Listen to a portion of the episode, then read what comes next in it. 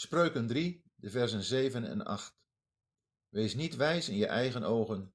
Vrees de Heere en keer je af van het kwade. Het zal een medicijn zijn voor je navel en verfrissing voor je beenderen. Het vierde advies is om niet wijs in eigen ogen te zijn. Het is een waarschuwing tegen zelfvertrouwen. Het sluit aan op de gedachten die in de vorige versen zijn geuit, alleen vanuit een ander gezichtspunt. In de vorige versen wordt God gezien en voorgesteld als de bron van de wijsheid en leiding. Nu worden we gewaarschuwd voor een wijsheid die losstaat van God. Onze harten zijn bedrieglijk.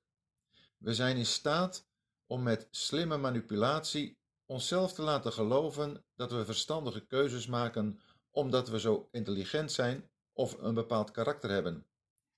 Het kan zo zijn dat we God vertrouwen en er trots op worden dat we dat doen. De Heer Jezus veroordeelde de fariseeën en rabbijnen van zijn tijd niet vanwege hun bidden tot God, maar omdat de motieven van hun gebeden niet deugden.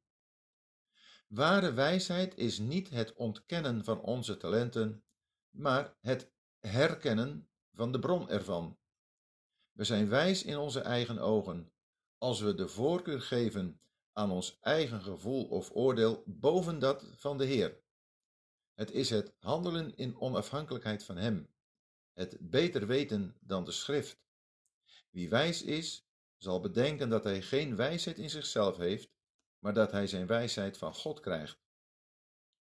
De hogere bron van wijsheid is de vrees van de Heere. Dat is de ware wijsheid. Als die vrees er is, is er als direct logisch gevolg dat het kwade de rug wordt toegekeerd. Het vrezen van de Heere kan nooit samengaan met het doen van het kwade, maar brengt tot het haten van het kwade. Een medicijn maakt het lichaam gezond. Die gezegende ofwel gezonde uitwerking heeft het luisteren naar de raad van vers 7. Door de navel krijgt het kind in de baarmoeder eten en groeit het. De navel is ook het centrum van het lichaam en vertegenwoordigt het hele lichaam. Door de beenderen kan het lichaam functioneren. Als de raad van vers 7, wees niet wijs in je eigen ogen, vrees de Heere en keer je af van het kwade, wordt opgevolgd, heeft dat een verfrissend effect op de beenderen. Ze doen er nieuwe kracht door op. Er is geen beter voorbeeld van onze afhankelijkheid van God dan dat van de foetus in de baarmoeder die door de navelstreng zijn voedsel krijgt. Dat gebeurt zolang hij in de baarmoeder is. Daardoor groeit het kind tot het geboren wordt. Wat in vers 7 is gezegd, is dan ook van wezenlijk belang voor de geestelijke groei van het leven uit God dat de gelovige bezit.